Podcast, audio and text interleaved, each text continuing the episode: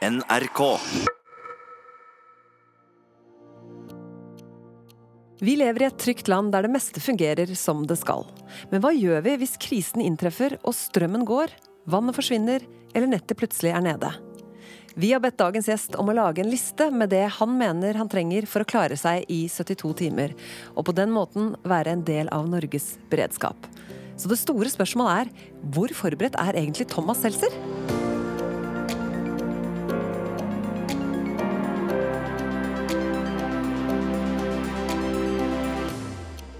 Velkommen til 72 timer, en podkast med Marte Stokstad og Knut Folkestad. Thomas Seltzer, har du tenkt eh, noen gang på at noe uforutsett kan eh, skje, eller at en krisesituasjon eh, plutselig kan inntreffe? Jeg føler at jeg på en måte er litt forberedt hele tida. Jeg bare tenker at samfunnet er Sivilisasjon er et sånn tynt ferniss, som er et ord man aldri bruker, bortsett fra når man skal si at det er et tynt ferniss Ja. over noe. Ja. Vet egentlig ikke hva det betyr engang. Jeg Nei, tenker nei, at det er men det er skjørt, da, på et vis. Ja, det er skjørt. altså vi- villskap og craziness og ting som er helt ute av kontroll. Det er den sterkeste rår, og videre. Mye fordi jeg er veldig glad, alltid vært veldig glad i, sånne post, såkalte postapokalyptiske filmer og romaner. Mad Max 2. du liker um, disse scenarioene som er litt urealistiske, kan vi si det sånn? Ja, eller realistiske, realistisk, Det er jo akkurat det, da. Så, jeg- sånn at da jeg tenker Ja, nå, nå, nå er det samfunnskollaps hvert øyeblikk. Sånn har jeg ofte gått og tenkt. Ja, nå er det sam Bare jeg så bilde av Frank Løke og, han der, og hun X fra X on the Beach Ja, men da sammen nå. jeg også det. Så tenkte jeg, nå er det nå, så nå bare bryter det sammen. Men er du en som krisemaksimerer? Ja, jeg har vel litt det i meg, på en måte. Litt sånn nevrotisk forhold til at det, Altså, hva er det Murphys law det heter? At det, hvis det kan gå gærent, så kommer det til å faktisk til å gå jævlig gærent eh, ganske kjapt også. Mm. Vi har jo gitt en oppgave å eh, tenke gjennom de her tingene her, og du skal blant annet få lov til å presentere en liste over ting som du mener at du trenger for å klare deg i 72 timer. Eh, Men er det noe du har tenkt på, på før? Er det sånn at du kan eh, åpne opp et skap hjemme og tenke Nei. ok, her har jeg trygghet? Jeg er ingen doomsday prepper, som det heter. Ja, du er jo eh, halvt amerikansk. Ja, Og i, altså, The Land of the Preppers, der er det jo, har jeg sett mange dokumentarer på en del amerikanere som uh, går all in når det Ja, gjelder å før het det. Survivalists.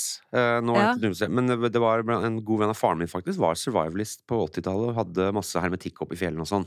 Det jeg har visst om at folk holder på sånn, da, Ja. siden jeg var liten. Og eh, Det har ikke vært noe rart i det for din del? Nei, Ikke noe rart. Jeg har en eh, bror som har bodd i USA i nesten alle år, og han er medlem av NRA, altså dette denne våpenlobbyen. Eller nå har han faktisk slutta å betale kontingent for at han syns de er blitt for ekstreme. Okay. Men han er veldig våpenglad. Så han har et sånt hvelv med, med lås, altså med masse låser, da, men Ja. med masse våpen inni. Men det er altså, du er ikke noe doomsday prepper, du er ikke noe survivalist. Hvor er du på den lista? da? Er det sånn at du- det er helt blankt hjemme hos deg hvis, det skulle, hvis Ja, strømmen gikk eller vannet jeg blir har ikke så mye Jeg har egentlig ikke så Jeg tenker at uh, som skattebetaler så krever jeg at samfunnet skal ta vare på meg. Så jeg kommer bare til å legge Ja, meg helt passivt ned. At, Jeg legger eh, meg bare passivt ned og ut ute i gata og venter på å bli henta med et slags helikopter. Takk for meg, det var slutt på denne podkasten. Ja, fordi at eh, Grunnen til at man vil at folk skal ha tenkt om disse tingene, er jo nettopp så de syke og svakeste i samfunnet skal få hjelp først. Ja. Sånn at du og dine for eksempel kan greie dere i 72 inkludert. timer. Ja. Oh, ja, det er meg som- inkludert. Det er du som skal, først skal ha hjelp, ja. Men har du vært i løpet av liv, livet, Thomas Seltzer, i nærheten av en kritisk situasjon, hvor du har kjent på liksom Oi, nå vet jeg ikke helt hva som skjer. Nei, det er en, som jeg, en sånn episode som jeg stadig trekker fram, og jeg fant ut at jeg var ateist. Nå Ja. vet jeg ikke om jeg er det heller. Jeg tror kanskje jeg er mer mystiker, men det er en lang historie. Du gifta deg i kirka? Jeg gifta meg i kirka. Um, nå jeg, var, øh, jeg driver med surfing, og for mange år siden så var jeg i Cape Town i Sør-Afrika, som er kjent for et veldig hairikt område. Det er sånne svære hvithaier som er ganske usympatiske. Og da var jeg ute i vannet, og så så jeg en sånn skygge som begynte å sirkle rundt meg. Da hadde jeg sett bilde fra den stranda fra året før med en fyr som lå død, og halve overkroppen spist, spist, spiste opp i våtdrakta si. Eh, og så tenkte jeg, jeg Og istedenfor da liksom Jeg fikk noen sånne elektriske ladninger, eh, utladninger, kjentes som, i fingertuppene og tærne. For nå visste jeg at nå skal jeg dø. Jeg kan ikke prate meg ut av dette her. Jeg kan ikke begynne å padle. Jeg er helt overlatt til dette store dyret.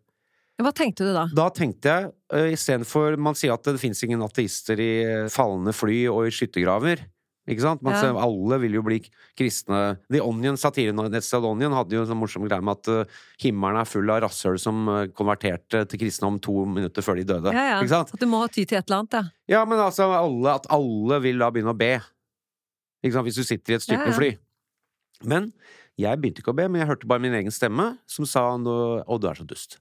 Du er så dust. Men jeg du begynte sa det? Du sa det Nei, jeg høyt? hørte stemmen inni hodet. Okay. Du er så dust. Du måtte ut. Ja, du så det bildet av han fyren fra i fjor som lå på stranda? Men nei, da måtte Å, du tøffe kjerring. å. Sånn eh, bebreidende, hakkende stemme. Det var jævla kjipt. Fra styggen på ryggen som dukka opp. Ja, eh, styggen på siste- ryggen. Og så viste det seg at det var en sånn sjøku, det var ikke en hai. Så jeg på en måte, jeg føler at det er det nærmeste sånn Altså hvor, hvor du erkjenner at du skal dø. Jeg vet ikke om eh, de fleste har vel kanskje det på et eller annet tidspunkt, men altså, jeg bare visste nå skal jeg faktisk dø. Og så ble det ikke noe av, da. Mm. Men um, sånn at eh, frykt Ja, altså, hva skal man si? Det, jeg ble jo ganske lamma. Men øh, bebreidelsen, selvbebreidelsen, den fortsatte å rulle og gå. Hva er det siste du skulle si til deg sjøl? Nei, det var Det husker jeg ikke, men det var sånn Men er du en type i en stressesituasjon eh, Vil du ha tatt vare på andre, familien din? Har du noen idé om hvordan du reagerer i en sånn situasjon? Jeg tror jeg ville tatt øh, ganske godt vare på mine nærmeste. Hvis du hadde hatt igjen en liten brødskelk, så ville du gitt til de rundt deg istedenfor å tatt det sjøl? Men hvordan var det der i sånn sult... Altså når pappa jobba i gruva og barna sulta, så måtte jo på en måte pappa ha mest mat. Redd deg sjøl først. hvis for at- faren dør, så Ja. dør jo alle ungene. Ja. Men hvis bare én unge dør av sult, så dør jo ikke de andre. Men syns du det er mye Sånn, var det jo, sånn har det jo vært. i- Jo, det sånn jeg også har på den der klassiske med ta alltid på din egen maske først. Yes. Ja. At hvis ikke du kan hjelpe eh, Ja. noen andre fordi du ikke har fått maske sjøl, Mm. så går det i fella. Det det? Så man skal jo tenke litt på det også, da. Mm. Men har du det å få barn, har du blitt mer bekymra for ting ting som kan skje? Ja, veldig. Tenk på hvor viktig det er å ha trygghet i samfunnet. Ja. Det tenker man ikke på når man er liksom uh, singel eller uh, Man gjør ikke det. Nei. Men nå bare tenker jeg på hvor viktig det er. Ja, hva slags tanker er, det som har er, dukka opp nå? uh, er beredskapen god nok, tenker jeg på? Er det altså Er det, er det norske uh, politiet bra nok? Er det Ja. Mm. Men tenker du sånn i forhold til du skal ha en datter som skal begynne i barnehage, er barnehagen bra nok? Altså, Er den du- godt sikra? Ja, er du, er du sikker, sikkerhetsorientert på sånne ting? Ja, jeg, ja, det er jo det. Men jeg tenker ikke på om, liksom, om bygningen i barnehagen ikke skal, kollaps, altså skal kollapse. Sånn. Jeg tenker ikke så langt. Men nei, at det er flinke folk som jobber der, da, for eksempel. Um, Et lite Google-søk på dem før du begynner, ja. ja. Ja. Men når du fikk beskjed om å lage sånn eh, liste av oss eh, der du skulle forberede deg på 72 timer, var familie og barn og baby og sånt, var det, det var til stede i ja, jeg har en babyorientert greie på punkt tre eller fire. mm. Det blir bra. Vi skal jo komme tilbake til lista di. Men Thomas. Apropos også- barn, ja. vet du hvem som er Vet du hvilken barne-TV-figur som er best forberedt på dommedag? Eller samfunnskollaps? Åh, her føler at det er et ordspill på navn, Thomas. Preppa Pigg. Har du brukt den før, eller kom du Nei. på den nå? Kom på den. Det kom på nå. Ja, det blir ikke siste gang. den Det blir ikke siste gang, nei. Nei. Fortell jo, vi- bosituasjonen. Mhm. For dette er jo et eh, Hvis vi ser for oss at eh, strømmen går, vannet forsvinner, Ja. hvor er du da? Hvor er, det, hvor er hjemmet ditt, Thomas? Nei, altså jeg bor jo til vanlig i Trondheim, og så har jeg et hjem i Oslo. Men så har jeg et uh, sommersted uh, på Nesodden hvor jeg vokste opp. Og dette er en liten historie. For Ja. der skal vi etter hvert bygge et, bygge et hjem, da. På den tomta til hytta? tomta. Men en, vi, har en liten privat vei som går til hytta. Og så var det en nabo som vi gjerne ville kjøpe deler av den veien for noen år siden. Tenkte jeg, ja, ja, det er jo greit, det. Jeg prøver jo å være på god fot med naboen og inkludere alle og inkludere en fellesskap. Det er jo mitt mellomnavn. Ja. Eh, Så sa moren min nei! Du må ikke selge den veien. Hvorfor ikke? Fordi dersom det blir krisetid, så kan du dyrke mat på den veien. Hun er jo krigsbarn, er født i 41. Så det var umiddelbare tanken, Ja, at den altså, veien kan brukes til dyrka mark? matjord, ikke sant? Et helt annet tidsperspektiv òg enn de Helt neste 72 timer. Jeg bare ok, mamma, da, nei, nei, men vi bare beholder veien, vi, så får vi For da går du ikke i og, sier at nei, men det kommer ikke til å skje. Da Nei, nei, godtar nei, du mors det, Nei, den motsier jeg ikke. Men hvordan hadde du vært, altså hvis det er en evakueringssituasjon, hvem hadde du vært i gruppa? Hadde du vært motivatoren, eller den som frika ut, eller hvordan hadde du Er det vært? en blanding av de to, kanskje? Eller frika, utfrika motivatoren. frika motivator? En litt anspent motivator? Mm. Ja, men har du opplevd det? Å være i en sånn eh, noe mer roende situasjon, folk rundt deg er stressa? I bandsammenheng har det vært noe sånt? Nei, egentlig ikke Nei, altså, jeg kan jo fort bli litt uh, hyper, jeg, så Men jeg er jo en handlingens mann også, så det er jo sånn Jeg blir både hysterisk og får gjort ting. Ja, Men hva slags situasjoner er det som er eh, kan sette deg ut? For dette er jo snakk om at det er brudd i daglige rutiner, dette her. Mm. Hvis noe plutselig skjer, så må man snu seg om og kunne tenke litt klart, da. Går tom for øl på backstagen. Da, Da kjenner du det røske. da, blir da blir det aktivitet. Nei, øh, nei, hva skal man si? Jeg mm, tenker at jeg kanskje er litt handlingsmann, men øh, Men tilbake til sommersted på, på Nesodden. da. Mm. Eh, Er det sånn at du tenker at du ville vært bedre skikka til å holde ut der i 72 timer enn i leiligheten i Oslo eller eh, hjemme i Ja, man ser, jeg ser for meg sånn der å være inne i en by. Det, da er det bedre å være litt vekk fra folk, for da har man mer oversikt hvem som er i nærheten, blant Ja. annet. Kommer det sånn derre Maro- Hva heter det, altså sånn derre som skal mm, Hva heter det? Som skal robbe huset ditt? eller Ja, altså folk som skal komme og Scavengers, liksom, skal komme og Ja. stjele mat og sånn. Så må man være litt isolert, sånn at man kan se dem litt på avstand. Men er du da en type som også tenker Litt på à de la The Walking Dead, bare at det er levende folk. Ok, ja, det er det du ser for deg. Mm. Men eh, kommer du da til å tenke på naboer som kanskje ikke bor helt oppi deg, men oi, oppi høgget her bor det en gammel dame som eh, nå i denne situasjonen trenger... sitter på masse trenger hermetikk. Som sier hva kan jeg få ut av den gamle Trenger damen? hjelp slash hermetikk, ja. Ja, Er du omsorgsfull på sånt å tenke på Ja, andre og prøv, sånn? man skal jo hjelpe folk rundt seg. Jeg vet at man skal det, men Mm. eh, Nei, altså, sine egne først blir det vel, da. Det er jo Ja. Det er det som er så artig. Det er jo uh, dette med sivilisasjonsferniss og sammenbrudd. Det er jo alltid Og så er det jo også Føler at det er alltid litt ideologi i bånn når man snakker om det. Spesielt for folk et stykke ut på høyresiden vil jo si at Nei, men der ser du. Det er når du tar bort alt det derre myke tullballet som er på en måte velferdsstat og sånn, så vil du se hvordan mennesker egentlig er. Ja. Sånn er vi. Og så tenker jeg, ja, men sånn er Altså, hvis du tar ti folk eh, inn på en glattcelle og, og med kameraer, og så kaster en gulrot inn en gang om dagen, så kan du lage et realityshow som heter Sånn er vi, folkens. Sånn er vi egentlig. Ikke sant? Det er klart at han sterkeste vil jo spise den gulroten, Ja. men så ligger det alltid Kommer det etter I det ideologiske ligger det sånn Men så, da må vi, vi må bare lage samfunnet rundt det, da. Ja. Ikke sant? Så tenker jeg, nei, det er jo ikke jeg enig i. Men jeg tenker jo at det fort kan bli et litt sånt um, ytre høyre, på en måte slags mareritt, da. I en sånn setting. Kanskje ikke 72 timer, men litt etter hvert, da. Men det er også preget av Mad Max, da. Og så er det Mye av noen mytologien som rundt Madmax Mad Max 2 er at han som blir kalt for uh, The Ayatollah of rock'n'roll, altså han MC-lederen, han tar fram en koffert, han som har en sånn maske. Dette du, kvinne 30, 40. 40 har ikke sett Mad Max 2, ser jeg ser jeg sånn på de øya der nå. Er sånn. Det er ikke den med Tina Turner, det er Mad Max 3. deg, tøm deg. Mad Max 2 så Mad Max 1 så ser du samfunnet sånn som det er. Han er jo hvordan det kollapser. Ja. Så Mad Max 2 så har det kollapsa. Alle, og det er bensin som da er eh, valutaen. Eh, og så er det en kjip sånn slags MC-aktig gjeng som fyker rundt i ødemarka og prøver å stjele bensin. Med skinnfrakk? Ja, de har ganske Det, det må jeg også komme tilbake til. Eh, dommedag, skal du, ha skinn, skal du ha skinnklær eller fjellreven? Eller Gore-Tex, liksom. Godt det må vi komme tilbake. Ok. Men i, i, i Mad Max 2 så har han sjefen for disse MC-folka. Han er sånn der svær bodybuilder med en slags maske. Han finner fram en koffert som han åpner opp, og der er det en eh, pistol og en politi... Så det, det, det kommer fram det, Mytologien er at han er egentlig gamle politisjefen, da. Som har gått over på the, the dark side. Så jeg tenker, ja, er, blir det sånn som det? Hmm. Men du har i hvert fall evnen til å forestille deg at eh, ting kan uh, bli ganske uoversiktlig, da. Det er jo veldig god uh, bokserie av en norsk forfatter som heter Knut Fallbakke, som heter Uår, som Ja. også handler om samfunnskollaps. Den blir jo filmatisert. Det er jo kanskje ikke den beste filmen norsk film har lagd. Ja, det, det sier jo litt, da.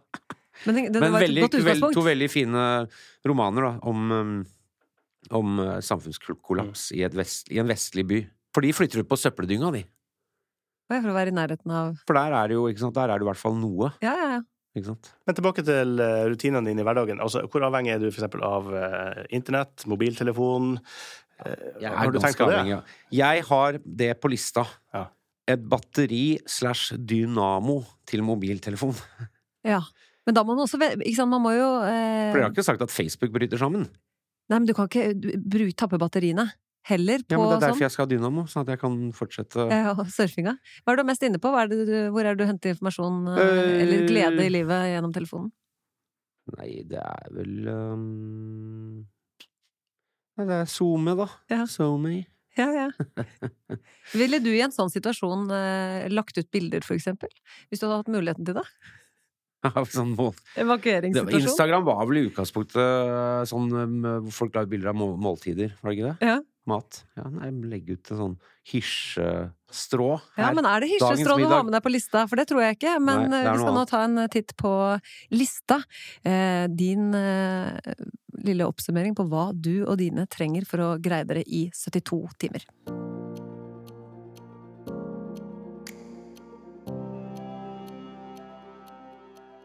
Du hører på 72 timer. Dagens gjest er Thomas Seltzer.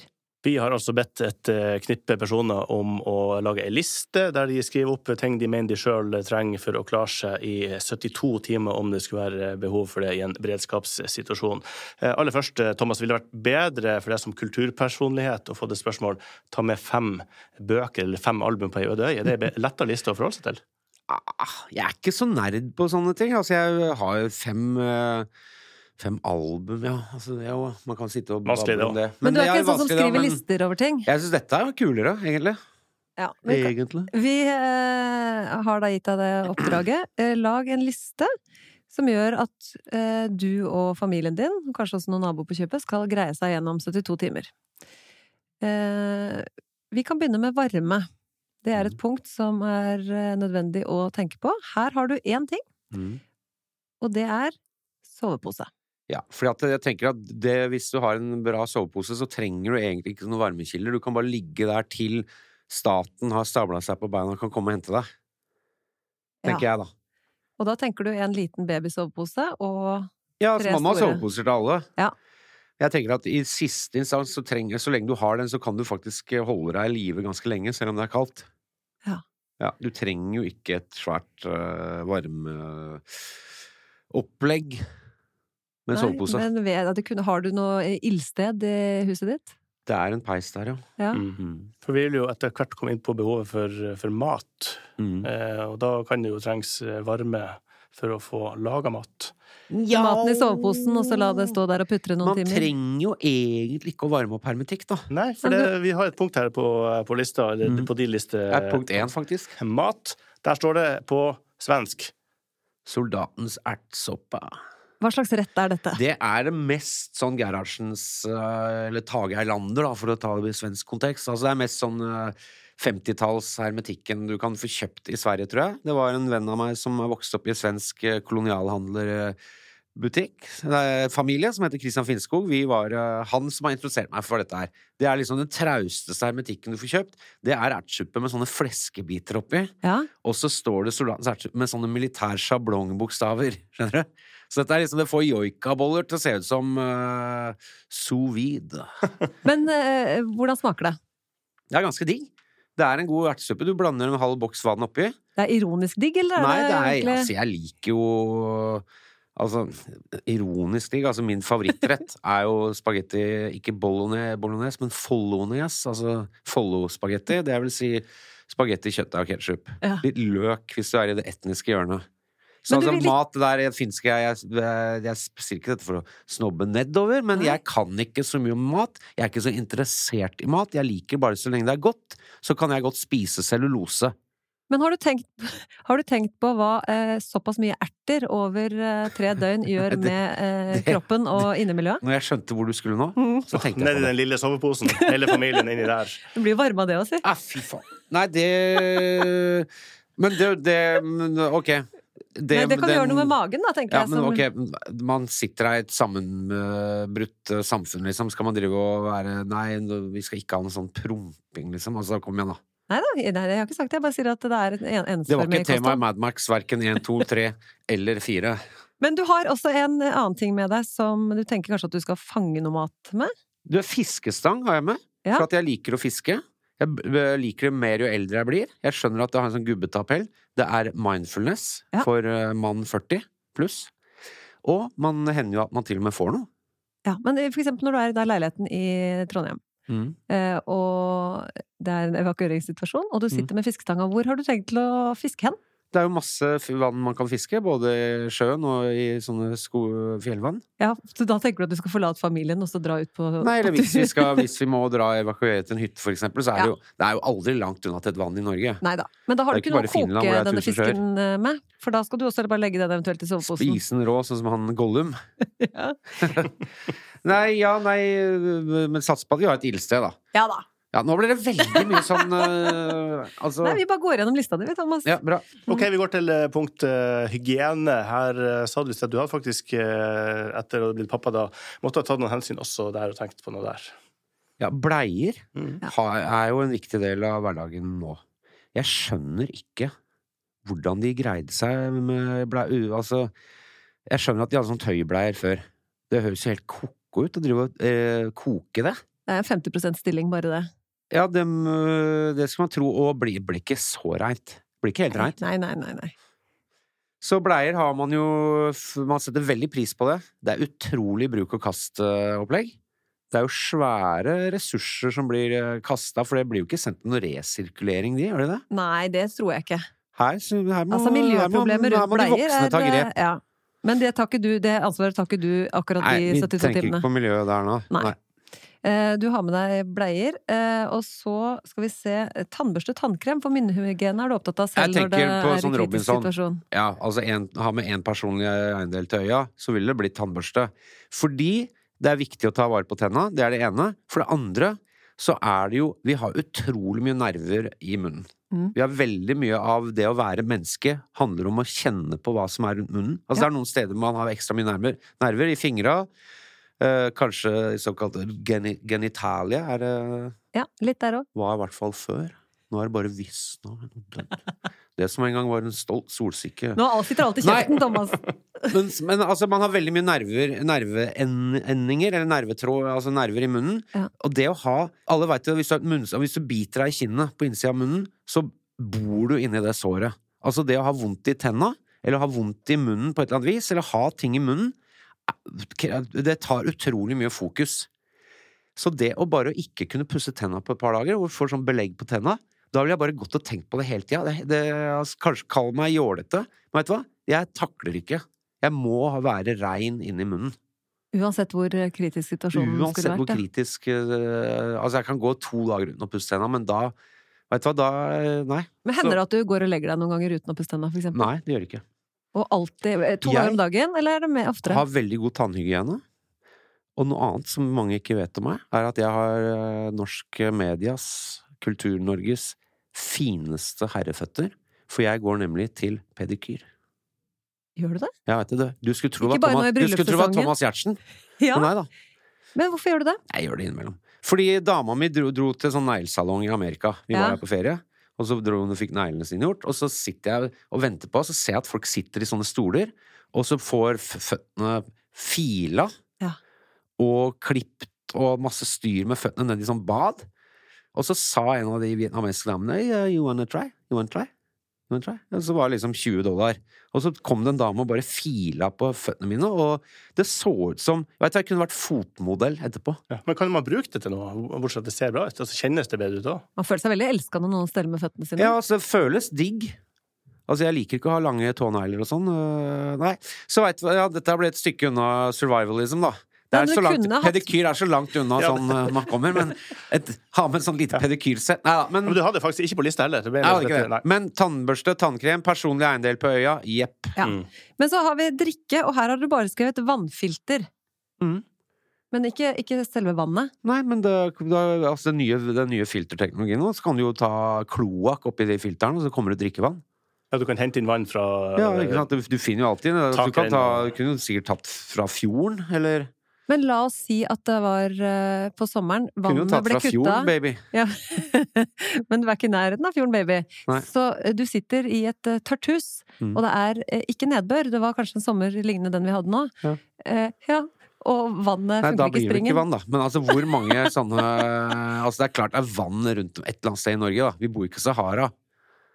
Nei, men det kan være. Altså, folk i verden har opplevd det at det ikke er Der kommer hun Thomas. gamle nabodama inn. Du, har du noe urinbehov de neste timene?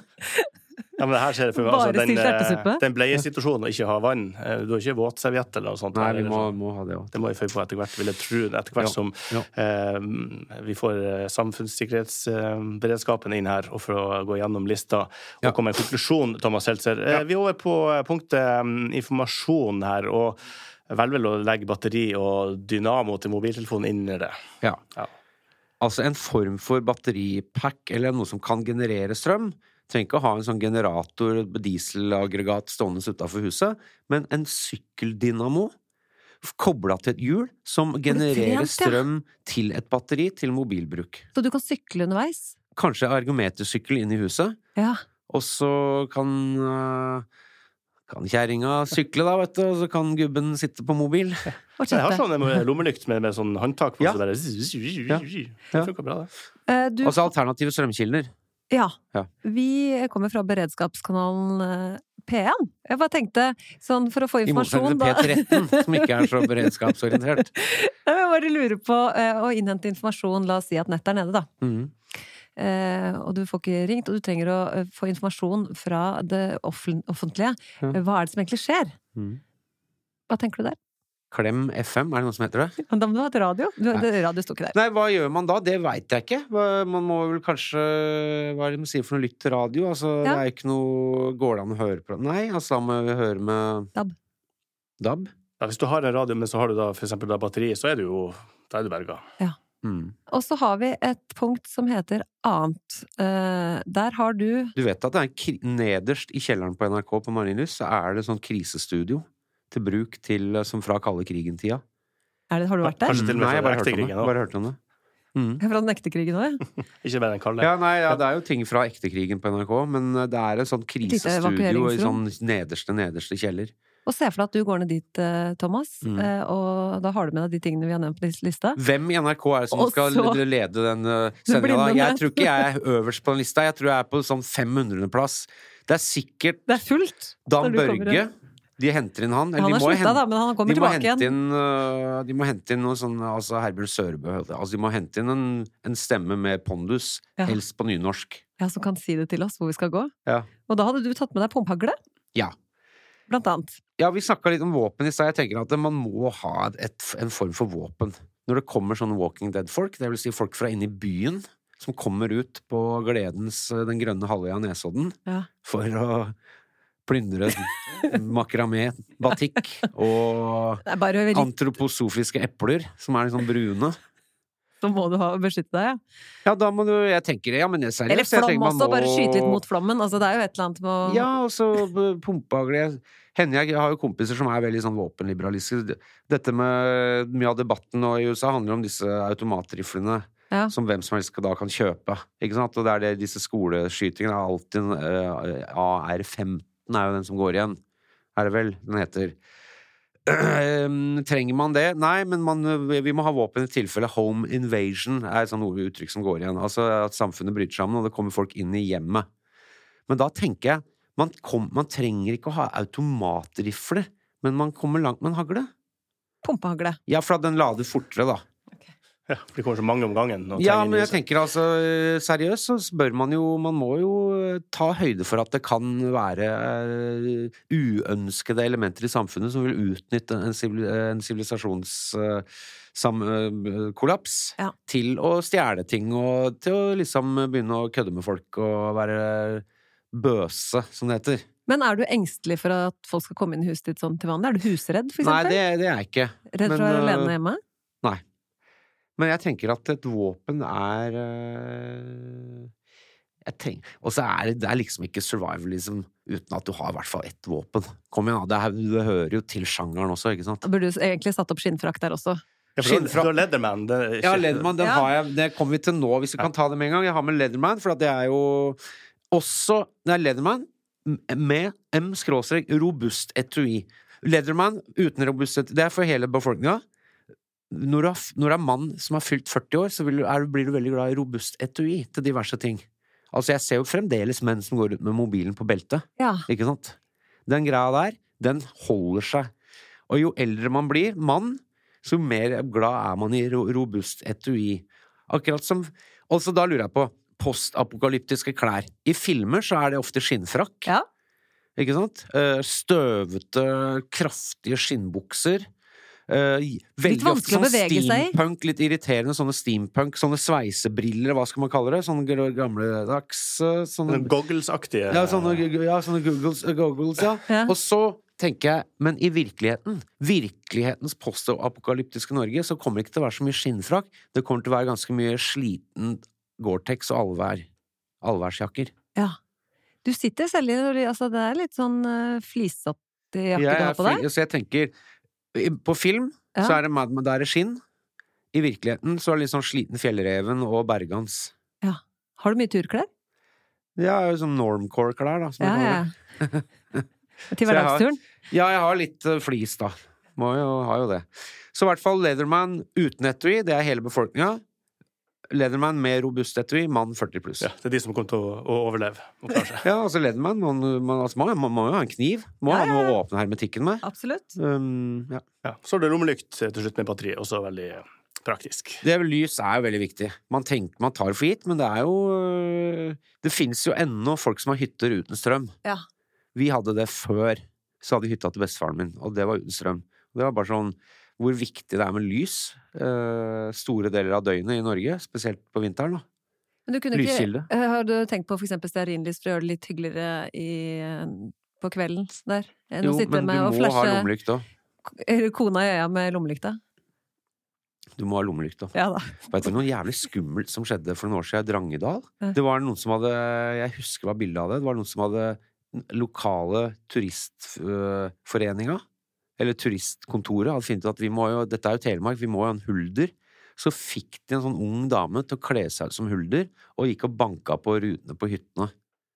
Det er mulig jeg har drømt dette her, men jeg mener også jeg har sett det bildet, noen tok bilde av henne, og det var jævlig creepy.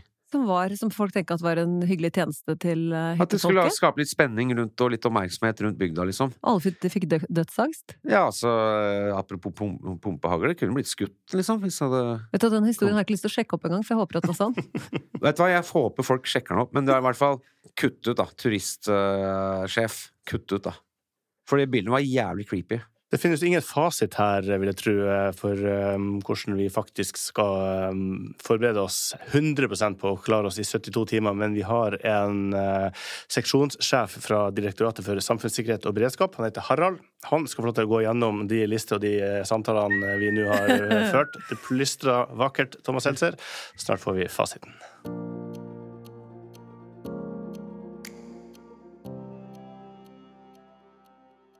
Du hører på 72 timer. Vil du lære mer om egenberedskap, besøk sikkerhverdag.no. Jeg spør deg først, Thomas. Er du spent på konklusjonen på beredskapslista di? Jeg er veldig spent, ja, for å se hvor, eh, hvor forberedt jeg egentlig er Mm. i virkeligheten. Ja. Svaret får vi nå. eh, Harald Rasmussen eh, fra Direktoratet for samfunnssikkerhet og beredskap.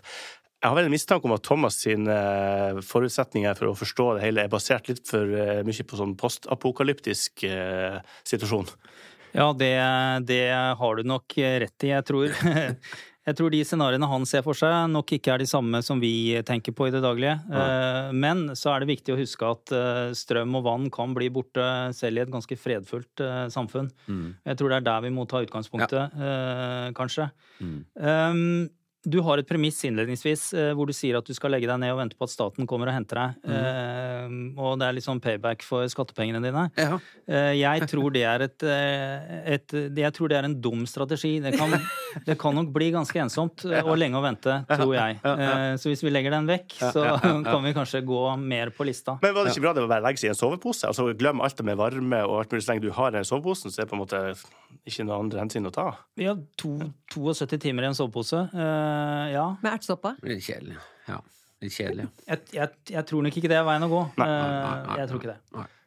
Men hva tenker du at eh, på eh, Hvis vi tar eh, utgangspunkt i den soveposen, hva mer er det han trenger for å Ja, det er eh, altså, relativt mye. Jeg kan, ikke ta, jeg kan ikke ta med alt. Listen bærer preg av tenker jeg, de scenarioene du ser for deg, og kanskje dag 50 ut i Ja, en hendelse. ja. ja. Dette med vannfilter, for eksempel. Eh, Jeg ville nok heller hatt en dunk med vann.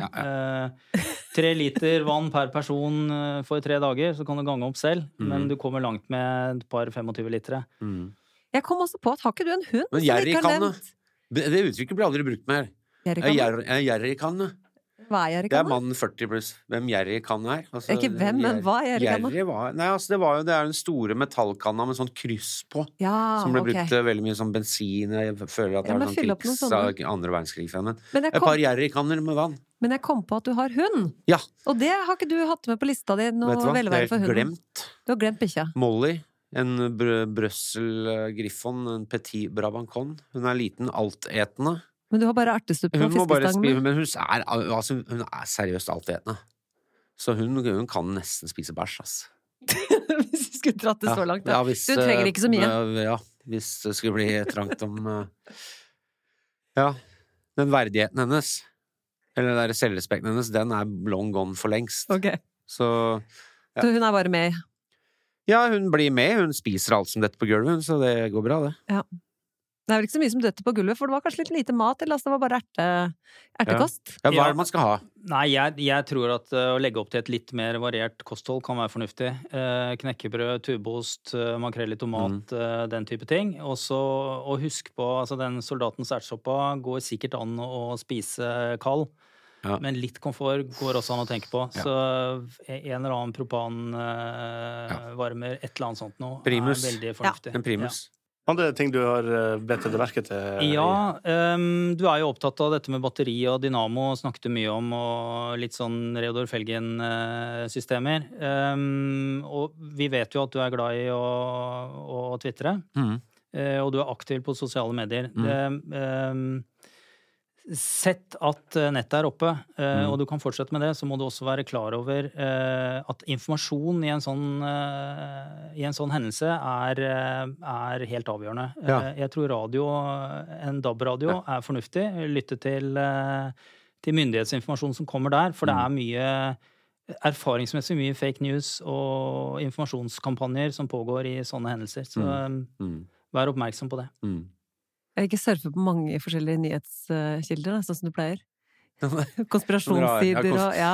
Jeg kom til, apropos mat, jeg mener å ha lest at den maten som øh, Hvis du skal på en øde øy med Ja. noe mat, kan bare velge mellom altså, Ta med deg én type mat. Altså ett mat. Så er faktisk brokkoli det er det du vil overleve lengst på. Ah, Altså Hvis du må velge mellom det og, og skinke. Ja, eller ja. det- Du er det fremdeles på dag tomat. 50. Ja, men altså, ja, dette er litt langsiktig. Men jeg mener å ha hørt eller lest det, at brokkoli er det du kan, øh, som vil holde liv i menneskekroppen lengst. men så har det med holdbarhet og sånn, da. Da Ja, må du ut det- på Nesodden og dyrke litt La oss så si at det Ja.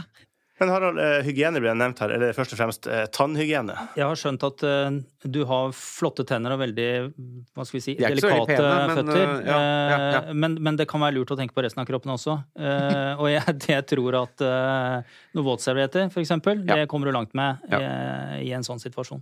Helt til slutt, for Mm. å holde humøret oppe i en evakueringssituasjon, Thomas. Mm. Eh, Noe bøker, musikk? Ukulele. Er det et eller annet Ja, altså, dra noe riff. Er det noe, noen bassganger? Er det noe du ville eh, føye til lista som hadde bidratt til en litt god stemning i gruppa? Nei, det vet jeg, det er et godt spørsmål, da. Men man tenker, man må jo tenke unplugged. Altså, vi snakker da akustisk instrument eller bøker. Ja. Ikke sant? Eller tegneblokk, eller noen lirekasse. ja, Eller en bok, hvis du skulle hatt med deg en bok, for eksempel, som du skulle ja, men til. sånn eh, H.C. Andersen, altså bare noen store eh, tidløse eventyr, kanskje? Ja. Og drømme seg litt bort. Mm. Eller er det noe nyttig litteratur? Altså, det er jo noen sånne survivalist-bøker. Ja, noe sånn speider. Heimevernet ga vel ut en sånn geriljabok for noen år siden, husker jeg. eh, Eller for mange år siden. Men altså, det fins det én bok Altså SAS, altså disse britiske spesialstyrkene, er jo kjente for disse manualene sine, hvordan du kan overleve i ødemarka og Ja. Det er sånn derre Bears Grill-opplegg hvor du liksom Ja, sånn derre skjære opp en kamel og legge deg inn i den når det kommer sandstorm og sånn. Et altså det er jo ganske ekstreme ting. Finnes det en sånn slags bibel for overlevelse i, norske, i norsk litteratur? Nei, det tror jeg ikke. Det finnes sikkert et eh, knippe litteratur, men jeg ville anbefale deg å gå inn på sikkerhverdag.no ja, og så leser deg opp der og se Sikkerhverdag.no. Og så kan du skrive den boka etter hvert, Thomas. For det, her er det et marked. Skal vi prøve oss på en eh, konklusjon, Harald? Jeg føler at eh, Thomas her ble sittende litt på skolebenken igjen, og at det var rektoren fra Direktoratet for samfunnssikkerhet og beredskap som var framme her. Ja, jeg, jeg, tenker at rådet må være at han må tilbake på tegnebrettet, holdt jeg på å si. Ja, ja, ja. Eh, Men, og kanskje et Åpenbart. tips kan være at du, at du ser for deg at du skal lage en rider for deg og din familie for tre dager. En rider.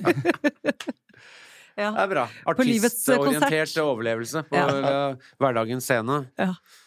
Men med det så er det, det fint, tilbake til eh, skrivepulten for din del, eh, Thomas. Gå Yes. gjennom beredskapslista di litt nøyere. Jo, yes. Og lykke til med din dyrka marken på Nesodden. Som nå har, det kommer til å skje. Takk for det. Tusen takk for at du kom, Thomas Seltzer. Du har hørt på 72 timer med Knut Folkestad og Marte Stokstad. Vil du vite mer om egenberedskap eller trenger tips til hvordan du setter sammen ditt beredskapslager? Besøk sikkerhverdag.no. Sammen er vi forberedt.